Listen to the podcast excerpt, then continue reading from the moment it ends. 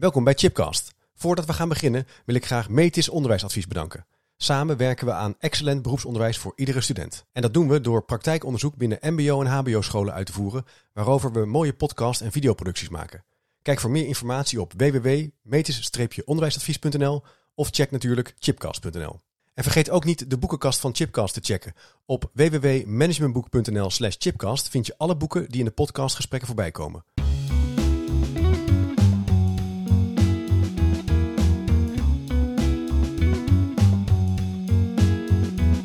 Welkom bij een nieuwe aflevering van Chipcast. Dit is een speciale editie, want het MBO-onderwijs staat centraal. We gaan uit de studio naar de werkomgeving van studenten, scholen en het werkveld. En vandaag zijn we te gast bij het ROC van Twente in Hengelo. En wist je dat ROC Twente meer dan 300 MBO-opleidingen aanbiedt in de regio Twente? En dat ze bijvoorbeeld ook een gezonde school willen zijn. En studenten een bewuste en gezonde leefstijl wil helpen ontwikkelen. er werken hier meer dan 2000 medewerkers die voor ongeveer 18.500 studenten en cursisten onderwijs aanbiedt. Maar dat is niet alles, want het is een prachtig schoolgebouw. Daar gaan we het zo wel even uitgebreid denk ik over hebben. Want het is een van de mooiste plekken die ik in ieder geval in Nederland uh, heb bezocht uh, de afgelopen periode. Deze podcast is ontwikkeld in samenwerking met Metis Onderwijsadvies en platform MBO Digitaal. Dat is een platform van de MBO-raad met onder andere banden met Kennisnet en Surf. En dat zal je denk ik wel kennen als je luistert. Check voor meer informatie www.mbodigitaal.nl. En we maken vandaag een drieluik rondom digitaal burgerschap of digitalisering en burgerschap.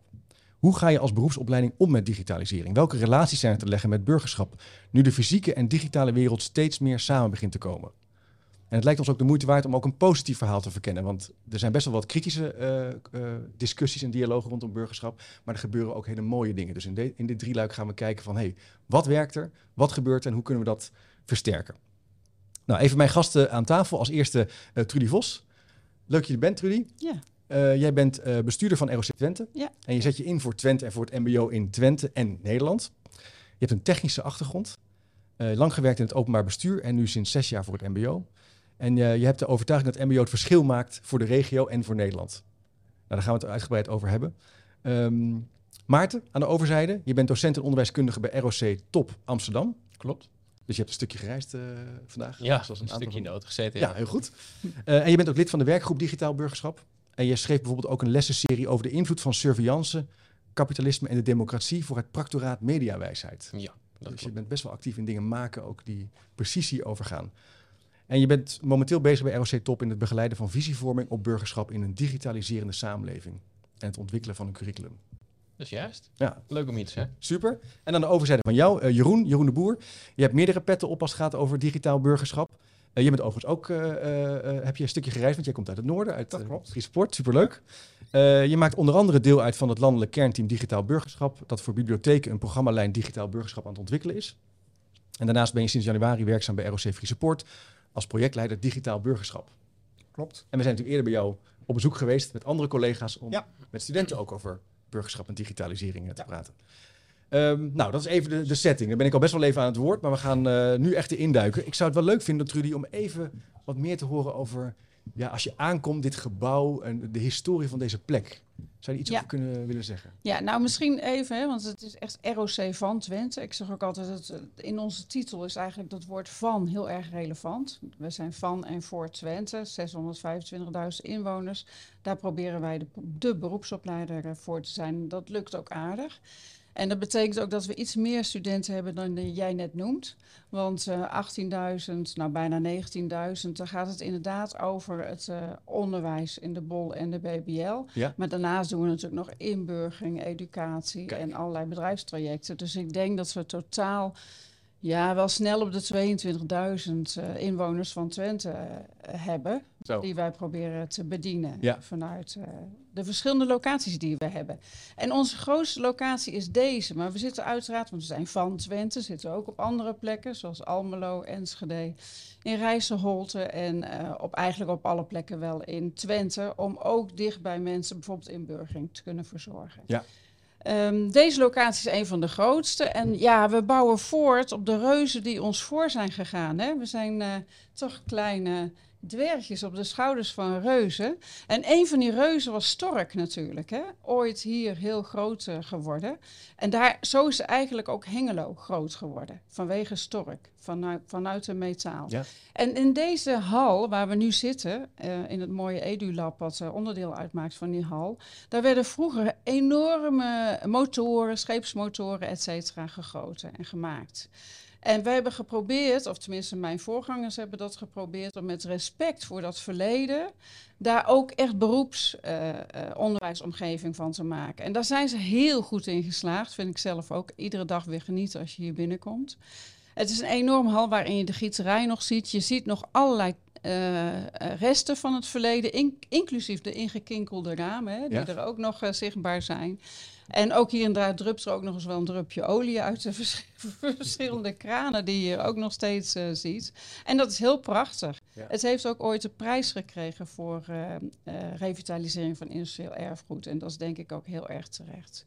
Ja. Superleuk. Ja, toen, ik vergeet overigens Remco je helemaal te introduceren als sidekick. Ja. Vergeet ik jou gewoon, maar jij hoort natuurlijk gewoon bij. Je zit altijd bij, aan tafel. Ja, zeker. ja, dus, sorry Remco daarvoor. Nee, maar toen wij binnenkwamen samen hadden we echt iets van wauw, dit is wel echt super gaaf. Heel bijzonder, ja. Ook omdat dat ging echt over, nou ja, het gieten van ijzer. En nu hebben we het over digitalisering. Dus je ziet ook wel de ja. tijd. Verleden en toekomst, hè? daarin. Mooi samen. Ja. Nou ja, deze hal is uh, niet altijd een gieterij geweest. Dat is, zo is het begonnen. Hebben we ook prachtige foto's trouwens van. Want, en dat heeft ook misschien wel een beetje met burgerschap te maken.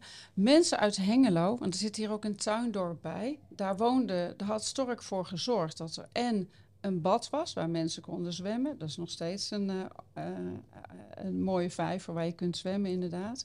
En dat de fabrikeurs en de medewerkers door elkaar woonden. Ja. En dat kun je nog terugzien als je tijd hebt. Is dat heel erg leuk om hier het tuindorp ook eens uh, te bezoeken. En je ziet ook dat de inwoners van Hengelo, die hebben vaak toch wel linken met Stork en dat verleden. En die praten daar nog steeds met liefde over. Maar als je goed kijkt naar die foto's van vroeger, dan zie je wel degelijk dat er emmers water stonden. Omdat de mensen dan toch een, een vonkje op hun voeten hadden gekregen of iets. En dan echt moesten afkoelen in dat water. Dus het was natuurlijk toch wel zwaar en heftig werk. En toch heeft Stork dat in de tijd, had hij al zoveel oog voor de medewerker, dat iedereen daar toch met liefde over praat in Hengelo. Dus dat is echt wel interessant. Ja. Nou, we gaan, we gaan eens even uh, een stap zetten naar digitalisering en burgerschap. Maarten, uh, vroeger werd hier dus, uh, nou ja, de, de, ontwikkeling staat hier centraal, maar nu hebben we natuurlijk tablets, schermen, ja, 32 gigabyte download, upload snelheden. Helpt die digitalisering ons om een goede burger te worden? Dat willen we in deze podcast wat verder verkennen. Ja. Wat is belangrijk om, als we die vraag eens wat willen verkennen, waar zouden we mee moeten starten, wat jou betreft? Nou, eigenlijk uh, is het verhaal van Stork een, uh, een, een, mooie binnenkomer, want je ziet dat daar de, de omgeving en de tijdsgeest, die, die uh, vormt de mens. die heeft heel veel invloed op de mens. En dat is eigenlijk nu ook. digitalisering, wij vormen digitalisering, maar digitalisering vormt ons ook. Mark Deuze die, die geeft aan, de, de, de filosoof, uh, digitalisering en media, die zit zo uh, om ons heen en is zo met ons verweven dat we eigenlijk al niet meer uh, doorhebben dat het er is. Het hm. is hetzelfde als wat water is voor vissen. Hè? Je, je, kijkt er doorheen, of, of wat lucht is voor ons, je kijkt er doorheen, maar het beïnvloedt ons gedrag, onze bewegingen. En dat is eigenlijk nu ook met de digitalisering. Dus dat bewustzijn dat digitalisering invloed op ons heeft. Ik denk dat, dat, dat het daar begint. En dan kun je je afvragen, heeft die invloed een positieve, uh, levert die een positieve bijdrage of een negatieve bijdrage aan ons mens zijn? Um, maar we hadden in het voorgesprek, uh, nam Jeroen er al een uh, voor, voorproefje op over dat, dat, dat mens zijn. je moet natuurlijk eerst definiëren van wat is, wat is dan een goed mens? Wanneer ja, misschien kan jij daar wat meer over zeggen. het goede leven. ja, probeer daar. Maar je zegt, het is, het, is eigenlijk al om ons heen. Het is, over, het is verbonden. En dus we moeten ons die vraag stellen, stellen wanneer zijn we eigenlijk een goed mens? Ja, nou ja, volgens mij moet je jezelf die vraag altijd stellen. Of moet je die vraag ook aan elkaar stellen. Maar ik vind het wel interessant uh, wat, uh, wat Maarten zegt van... ben je inderdaad bewust dat het er is en niet meer weggaat... en dat het Um, hè, want volgens mij is dat voor onze generatie niet zo. Hè. Voor ons is het erbij gekomen. Ehm, en maken we volgens mij bewust of onbewust altijd wel het onderscheid van, van dit is het nieuwe en dit is hoe het was. Dat is, dat is natuurlijk voor studenten niet zo. Ehm, het is er. Uh, het maakt onderdeel uit van wie je bent. Hm. Um, maar ben je altijd wie je bent? Um, maar heb je het ook altijd te maken met die, met die verschillende perspectieven. En ik vind wat dat betreft altijd wel interessant wat de collega van mij bij Free Support uh, observeert. Uh, Jeroen de Jong, die heeft het project April op Stil. En die is aan de ene kant altijd totaal begeisterd als hij ziet wat er met studenten gebeurt wanneer ze even afstand nemen van hun devices. Uh, en dat hij dan uh, ziet dat, dat er weer gesprekken, of weer, dat dus gebruik het woordje weer, maar dat er weer gesprekken gevoerd worden, dat ze met elkaar uh, de dialoog aangaan. en tegelijkertijd zie ik dat hij er ook af en toe heel erg depressief van wordt. omdat het verschil dus blijkbaar zo groot is. Vanuit zijn perspectief. Van, hè, want ik gebruik expres het woordje weer. Uh, wij ervaren het dat ze dan weer de dialoog voeren, terwijl je tegelijkertijd uh, natuurlijk in online omgevingen, waarbij als buitenstaander, nou denk ik voor een groot deel geen deel van uitmaken, niet zien dat daar ook dialoog gevoerd wordt. Ja. Maar op een of andere manier hebben we dus wel dat normatieve kader van ja. in het echt is het beter. Ja. Of, of uh, intenser. Of, nou ja, wij, maken, wij maken zelfs onderscheid, jij geeft het al aan, tussen echt en blijkbaar een digitale wereld die onecht is. Ja. ja. Terwijl je je ook kan afvragen in, uh, of dat onderscheid er nog wel is. Want um, wat wij dus bijvoorbeeld als echt zouden definiëren, dat is bijvoorbeeld een wandeling door het bos. Maar een wandeling door het bos die ik nu met mijn kinderen maak, dat is al met de telefoon in de hand, want we gaan een geocache, hè, dat is schat zoeken in de natuur. Of we gaan uh, dieren determineren met een appje.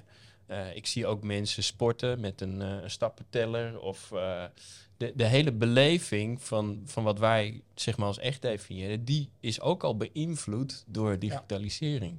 Ja. ja, dus we zijn eigenlijk al in zekere zin al helemaal versmolten en aan het versmelten met ICT-toepassingen. Dat, is eigenlijk... dat geldt ook wel voor onze generatie hoor. Ja. Want jij zegt net van jongeren zitten er dan anders in. Dat weet ik niet. Ook ik rijd terug naar huis als ik mijn telefoon niet bij me heb. Want ik kan echt niet zonder. Terwijl ik toch echt een heel groot deel van mijn leven zonder een mobiele telefoon heb uh, doorgebracht. En me af en toe nu wel eens afvraag hoe deed ik dat dan, uh, de, hoe deed ik dat dan vroeger? Maar om even terug te komen over, op de vraag hè, van burgerschap, waar gaat het nou over? En ik denk dat de discussie net al aantoont dat, dat, natuurlijk, dat je daar verschillend tegenaan kunt kijken. En dat er ook meningen over zullen verschillen wat goed burger is. Maar ik denk in ieder geval dat een goed burger is, is dat jij uh, ervoor zorgt dat je deelneemt aan de samenleving. Hm. En deelnemen aan de samenleving en je ook mede verantwoordelijk voelt voor die samenleving. Of dat nou in de online omgeving is of in de, uh, in de fysieke omgeving. En ik ben het er helemaal mee eens dat dat door elkaar aan het lopen is. Maar dat is heel, heel lang door elkaar aan het lopen. Ik bedoel, zolang er de technologie is, uh, loopt dat al door elkaar. Ja. Maar het wordt nu wel steeds extremer natuurlijk. En ik denk um, uh, de kansen voor burgerschappen, deelnemen aan de samenleving, wat je iedere student ook gunt, maar wat op dit moment ook wel een lastige is. Uh, omdat, uh, uh, nou ja, vroeger had je natuurlijk heel duidelijk, je, je, je, je ging stemmen, je stemde op wie je ouders stemden, weet je, je zat in een soort van bubbel. Toen ook al natuurlijk, maar die bubbels zijn natuurlijk veranderd. Ja.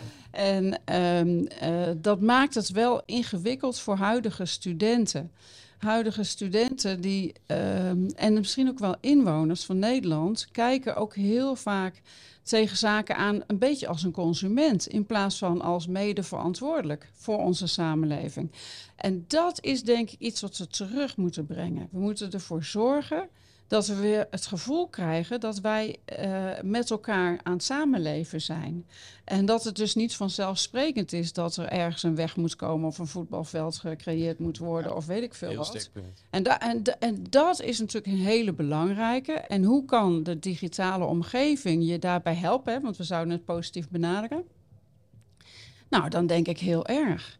Want je kan alles vinden op internet. Ja. Dus je kunt, uh, vroeger moest je toch, nou ik weet nog wel dat ik naar de bibliotheek ging voor, nou ik deed dan onderzoeken, zat in het wetenschappelijk onderzoek. Nou dan moest ik al die boeken doorvlooien om te zoeken naar uh, relevante artikelen voor mijn uh, onderzoek. Ja. ja, nu google ik een paar keer en dan heb ik nog wel de verplichting om na te gaan.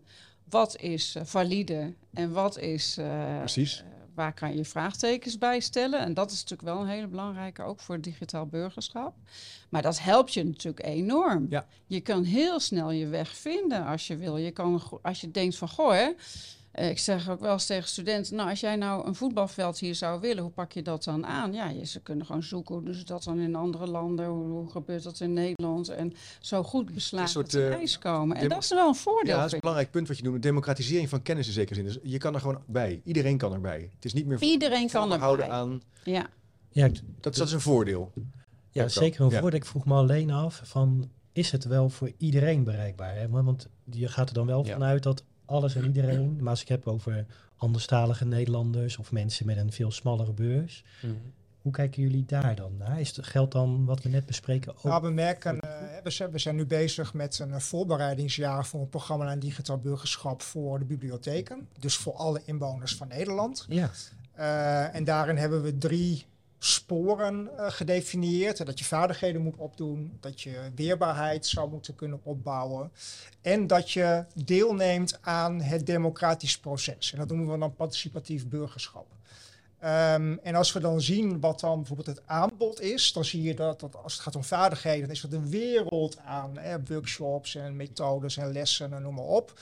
Weerbaarheid is al wat minder dus dan denk je aan uh, digitale privacy en soevereiniteit, uh, dat soort mhm. zaken. Maar dat blokje participatief burgerschap, hè, waarmee we eigenlijk bedoelen van hoe kunnen we nou iedereen laten deelnemen, iedereen een stem laten hebben en ook echt bijdragen aan het democratisch proces. Ja. Daar zie je dat het aanbod heel laag is en tegelijkertijd de ambities torenhoog.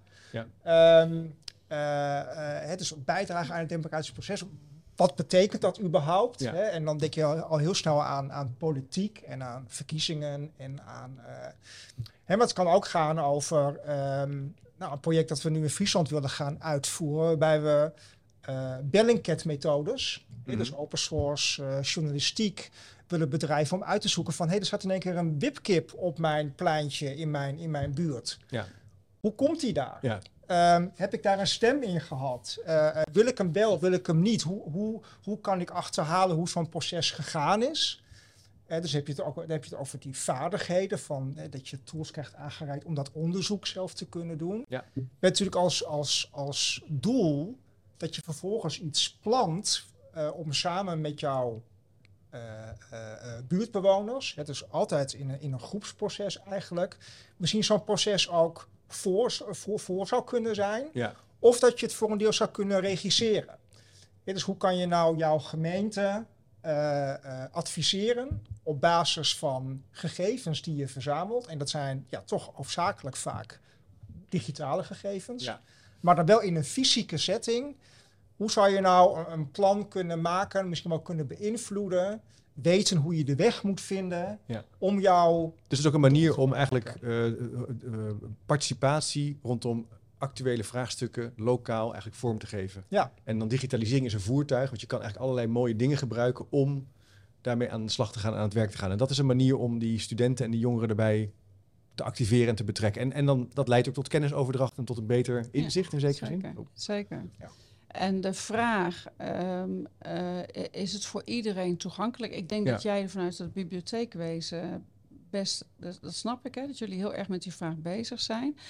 Uh, ook wij hebben voortdurend de vraag: goh, hè, uh, we, we, we, bedenken iets waarvoor ja. je toch zo'n ding nodig hebt, hè, en, uh, een device nodig hebt.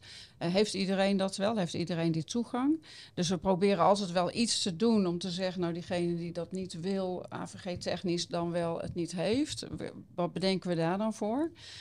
Maar het is wel bijna 100% van onze eh, deelnemers en studenten of wie dan ook, of je nou inburgering doet of niet, die wel uh, toegang heeft tot een device Precies, en ja. daarmee tot internet. Zelfs in coronatijd hebben we natuurlijk helemaal uh, gemerkt.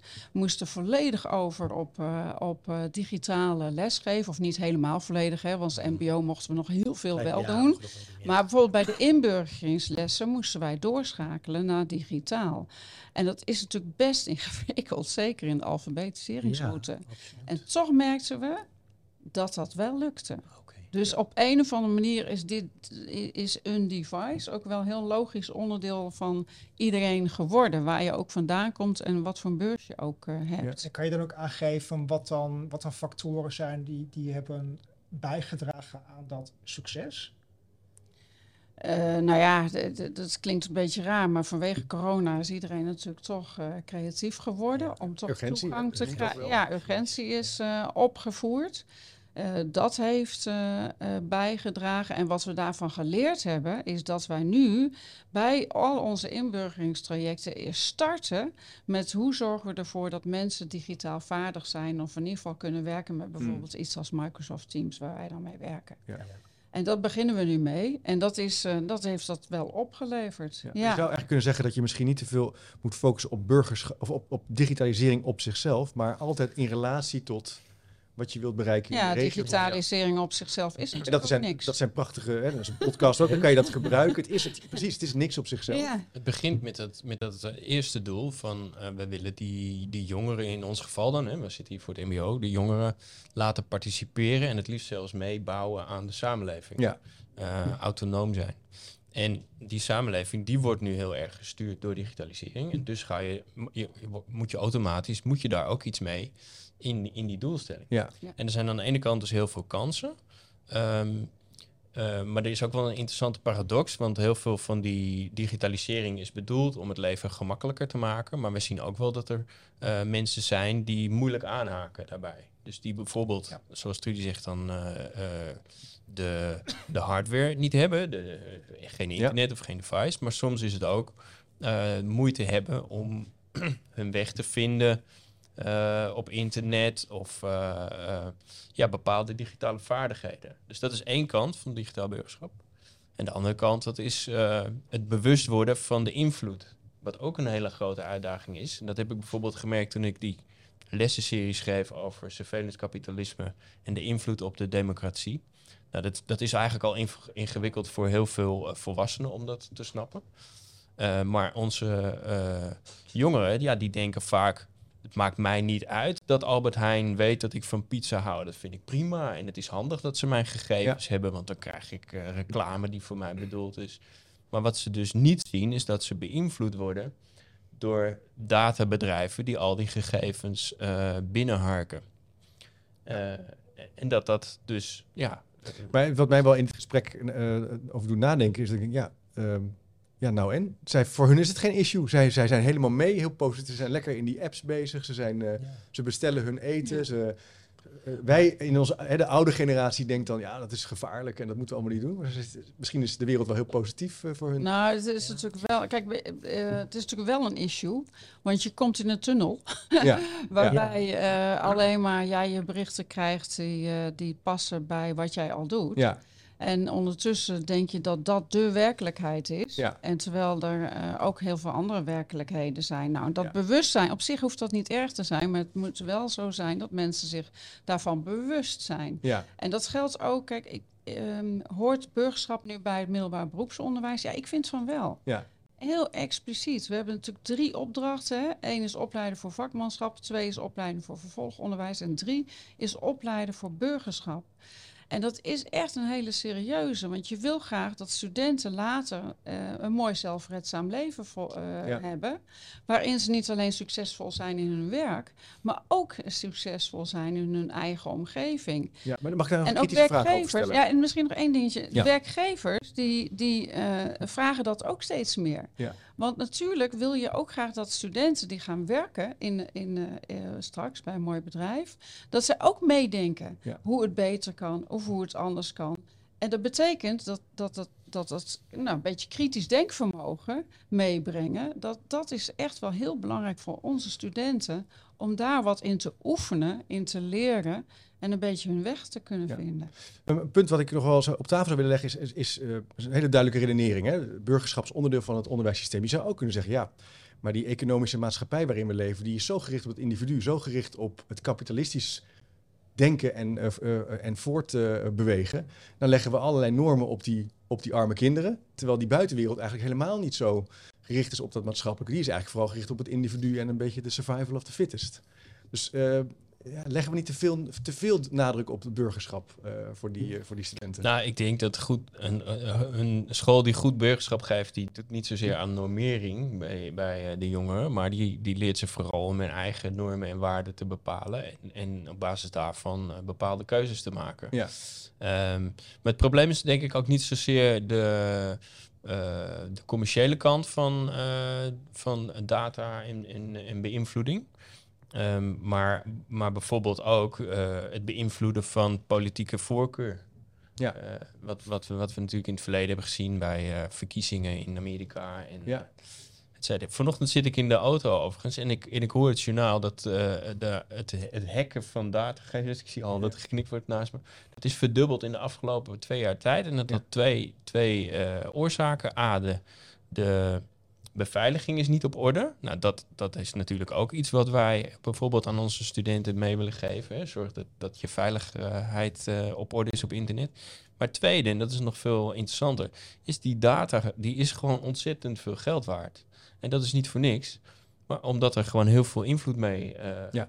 uitgeoefend kan worden. Ja, nee, maar dan kom ik toch terug op het, op het punt dus, dus tegelijkertijd, de samenleving maakt er een potje van. Op, op, dit, soort vlak, op dit soort vlakken. Kijk maar naar uh, wat er is gebeurd rondom de toeslagenaffaire, datagebruik. Dus we, we, leggen wel een hoge norm op die, op die studenten. Dus, nou ja, dus en, tegelijkertijd, en, tegelijkertijd, zijn we daar ook heel uh, dubbelzinnig in. Hè? Ja. Of uh, paradoxaal. want een goed voorbeeld tot volgen. geef jezelf wel het goede voorbeeld. Ja. Ja. Uh, je noemt Microsoft Teams. Is dat nou het voorbeeld van op een veilige manier met elkaar uh, communiceren? Ja. Nou, als je de kennis moet geloven, valt er wel wat op af te dingen. Hè, op zo'n groot Amerikaans bedrijf die uh, eigenlijk al het dataverkeer binnen ons onderwijs nu kunnen volgen. Ja. En dan is het maar onduidelijk of ze dat doen. En die onduidelijkheid die zweeft daar altijd omheen. Ja. Um, dus, dus eigenlijk zeg je, want dan zouden we hier moeten we het ook over hebben met studenten. Dat, is natuurlijk dat is wel een belangrijk punt. En ook met docenten, eigenlijk ook met docenten. Nou ja, ja, gisteren een heel interessant artikel in de, in de Volkskrant van Michael uh, Persson over, over schieten we niet door in het vragen stellen. Uh, hè, kun je ook niet vragen stellen, of, of, stel je, worden er ook niet heel veel vragen gesteld met een hele duidelijke politieke agenda, voornamelijk om twijfel te zaaien. Ja. Uh, um, wanneer je het dan hebt over studenten opleiden om kritisch te zijn. Ja. Uh, hoe doe je dat dan? Ja. Hè? Uh, uh, want vragen stellen is één, maar waarom doe je dat? Dan zit je wat te wachten op een antwoord. En als er een antwoord komt, handel je dan ja. daar ook naar. Hè? Dus als je dan teruggaat naar onze vraag, zou je eigenlijk ervoor moeten zorgen dat je dat kritisch denken, hè, hoe kan digitalisering ons helpen om een goede burger te worden? Dan zou eigenlijk dat digitalisering als voertuig kunnen worden ingezet om dat kritisch denken eigenlijk aan te jagen. Om reflectie aan te jagen. Maar dat is eigenlijk waar zodat je het kan balanceren. Anders dan schuift het door naar... Ja, en wat jullie al aangaf, die, die mogelijkheden zijn ook. Die infrastructuur die, de, die er ligt qua digitalisering... die kun je dus ook gebruiken om, om kritisch denken te stimuleren. Ja. Overigens kun je ze voor veel meer uh, positieve dingen uh, gebruiken. Want uh, er werd ook al aangegeven in het begin... die jongeren die verbinden ook veel ja. met elkaar online. En ik heb zelfs begrepen dat ze daar hele interessante gesprekken voeren... die best wel diep gaan over, over thema's die bij hun leven. Ja. Waar uh, ja, ik als docent in ieder geval helemaal geen weet van heb. Maar wat echt uh, heel, goed, heel positief uh, te noemen is. Ja, dus die, die, dat, die behoefte aan verbinding en uitwisseling en diepgang vindt gewoon plaats via andere platforms. Die zijn voor ons misschien, wij zouden zeggen, nou dat moet je dan live doen in een kamertje. Maar jij zegt, nou dat gebeurt ja. gewoon in Clubhouse, in WhatsApp groepen. alleen wij zien het niet, oh, Remco. Student, ja, in ja. studentenhuizen, of, oh, daar gebeurde dat toch ook, of het gebeurt er toch nog? Ja, ja. ja. Dus misschien ook een beetje. Vormen. Ja, het is een andere vorm, maar doordat het digitaal is, lijkt het ineens een thema te zijn dat we, de, dat we het niet zien. Maar we zien toch nou ja, en het, en, het, en het sluit natuurlijk aan, en daar komt denk ik een beetje dat ons, ons normatieve, onze normatieve benadering vandaan, dat wij misschien net een stapje terug kunnen nemen en zeggen van oké, dat jullie studenten, net zoals wij, in, in, in, onderling van gedachten willen wisselen. Dat is van alle tijden. alleen realiseer je dat het platform dat je gebruikt, dat er, dat er iemand Precies. kan meekijken. Ja. met allerlei potentiële gevolgen. En moeten wij dan niet nadenken van, oké, okay, moet, moeten nu niet doorschieten in allerlei dystopieën over hoe slecht WhatsApp is en Facebook en, noem maar op. Zouden we niet betere metaforen kunnen bedenken en bespreekbaar kunnen maken, ja. uh, dat je ook een keuze hebt. Hè? Ja, dat, dat, je, dat, je, dat, je, als ICT-student dat je eigen platform zou kunnen ontwikkelen. Met je eigen. Nou ja, of uh, andere kant. Er was een tijdje geleden een mooi project uh, bij de Universiteit Twente hier. En uh, daar ging het heel erg over artificial intelligence, et cetera. Van als je nou eens zou accepteren dat dat er gewoon is. En hoe kun je het dan omarmen? En dat vond ik wel, uh, uh, dat vond ik ook wel een hele mooie manier om daarna te kijken. Ik wou nog even terugkomen wat jij zei van, nou, dat bedrijfsleven is heel economisch gedreven, bla bla. Ja. Um, toch is dat nu wel aan het keren. Ja. Ik bedoel, als je nu kijkt waar onze voorvrouw voor VNO-NCW het over heeft. Hè, over ja, uh, wat doen we richting um, klimaat? Hè? Wat, hoe zetten we daarop in? En hoe zorgen we er ook voor dat, uh, dat we sociaal ondernemen? Hè? Maatschappelijk verantwoord ondernemen komt veel meer naar voren. De SDG's. Ook het bedrijfsleven realiseert zich natuurlijk heel goed dat ook zijn samenleving in het klein zijn. Ja, als je zegt zo zwart-wit is het niet. Bij, nee, Het is, Dit, het is ik heb een tijd lang was ik daar ook wat uh, best wel heel kritisch over. Maar dat is echt wel aan het keren. Ja. Het is echt aan het keren. Iedereen snapt wel dat dat niet de bedoeling is. Nee. Nou, wat ik wat dat betreft wel een, een positieve uh, ontwikkeling vind, is zeker als je het hebt over AI, uh, uh, dat je merkt dat er op allerlei niveaus ook op overheidsniveau nu gelijk ook wordt nagedacht over de, over de, de, de ethische vragen die ja. eraan hangen. Ja. Um, en, en of dat nou komt door al die mislukkingen van de afgelopen uh, jaren rondom allerlei grote IT-projecten uh, uh, of niet, maar dat, dat, het, dat die vragen gesteld worden. Dat je een AI, een AI-coalitie hebt die heel erg op die, op die ethische kant zit. En dat de hele wereld erbij wordt betrokken om daarover mee te denken dat vind ik wel een, een, een, een, hele positieve ontwikkeling en een mooi voorbeeld van hoe het ook kan. Hè? Zo dus mooi, dan komt filosofie toch echt in het hart van onderwijs ook te staan, naast digitalisering en burgerschap. Het vraagt eigenlijk uh, denkruimte, denkpistes met studenten, met docenten, waarin je eigenlijk ook zoals we het eigenlijk nu ook doen in zekere zin, waarin we vertragen en proberen te snappen van hé, hey, wat gebeurt hier? Is het wenselijk? Wat is ons normatief kader? Dus filosofie als, als onderdeel van het, uh, van het onderwijs. Ja, en misschien, misschien ook nog wat Inderdaad, ik denk dat dat heel uh, goed is om er goed over na te denken.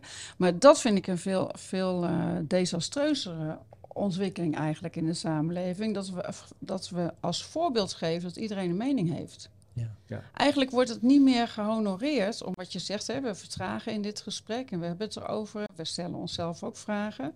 Er wordt eigenlijk niet meer zo gehonoreerd in de samenleving. En dat is een, wel een waardeloos voorbeeld om heel eerlijk te zijn naar studenten.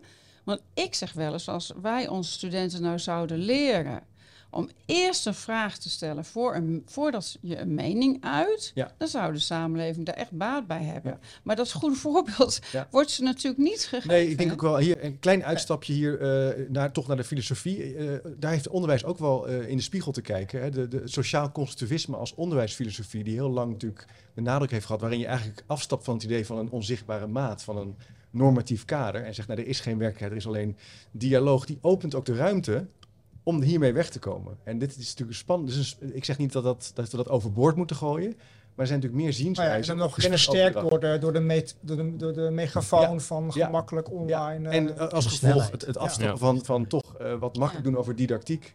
En zeggen, nou dat komt wel als de pedagogiek in orde is. Ja, daar, daar komen we niet meer weg, denk ik, Remco. Uh, zien wij in ieder geval ook in onze podcast. Nee, nee. Nou ja, kijk, ik weet niet, want jij maakt het linkje naar sociaal constructivisme, daar moet ik wel even over nadenken. Of dat die deuren. Want in die zin zit daar natuurlijk juist wel die dialoog en elkaar met elkaar leren betekenis geven. En dat is voor mij wat Trudy ja, ook dat. Hè? De, Dat zou de kracht ervan kunnen zijn. Ja. Alleen zie je inderdaad de, de, de, kracht van snelheid en de mening hebben en, en, je ruimte laten. En dat krijgt nu veel aandacht. En nou ja, in die zin herken Ja, heel ja. erg wat je zegt. En ook dat gek worden van alle informatie. Ja, veel te veel. Want als Ja. je zegt Ja. van, goh, hè, eh, misschien kan je daar eens eh, je op oriënteren en daar eens op internet informatie over verzamelen. Ja, het scherm wordt natuurlijk zwart met Ja, wat en wa- valide en niet valide Ja. informatie. En hoe vind je daar je weg in? Ja. En dat is natuurlijk ook wel een uitdaging voor ons om daar, ja, Te helpen. niet, niet dat we dat zelf allemaal goed kunnen, Nee. maar dat, dat is maar om daar Ja. wel een soort van weg iets, in eh, te ja, vinden. Ja. Heel belangrijk, een belangrijk thema wat ik al een jaar, vijf jaar geleden ook Martijn Aslander werd geïntroduceerd. Dat informatiefilter, hè, nadenken over hoe, er op je, hoe het op je afkomt. Dat is misschien ook wel een punt rondom burgerschap en digitalisering Zeker. waar we over Ja. kunnen nadenken. Ja, ik heb het gevoel dat we hier nog een, eh, zeker nog wel een uur over kunnen, kunnen Absoluut, doorpraten. Ja. Eh, het leuke is dat we nog twee podcasts eh, te gaan hebben. Eh, ik zou voor nu zeggen, eh, hartelijk dank voor jullie, voor jullie inbreng en perspectief op, eh, op de vraag van ja, digitalisering en burgerschap. Hoe gaat ons dat helpen? Hoe komt het bij elkaar? Helpt het ons om een goede burger te worden? En eh, in ieder geval kunnen we wat meer filosoferen, zou ik kunnen zeggen. Eh, als je nu luistert en meer informatie wil over de linkjes en de bronnen die zijn genoemd, ehm, dan kijk even op eh, chipcast.nl. Daar kan je ook even doorlinken naar MBO Digitaal onder andere. En ook andere wat, foto's zien ook van deze, van deze mooie eh, eh, schoolinstelling. Ik zou zeggen bedankt voor het luisteren en tot de volgende keer. En tot slot nog even dit. Managementboek is ook begonnen met een podcast, De Boekenpraktijk. Elke twee weken onderzoekt presentator Willem van Leeuwen samen met auteurs en praktijkgasten hoe de theorie van managementboeken aansluit bij de soms weer barstige praktijk. Beluister de Boekenpraktijk via je favoriete podcast-app of ga naar www.managementboek.nl/podcast.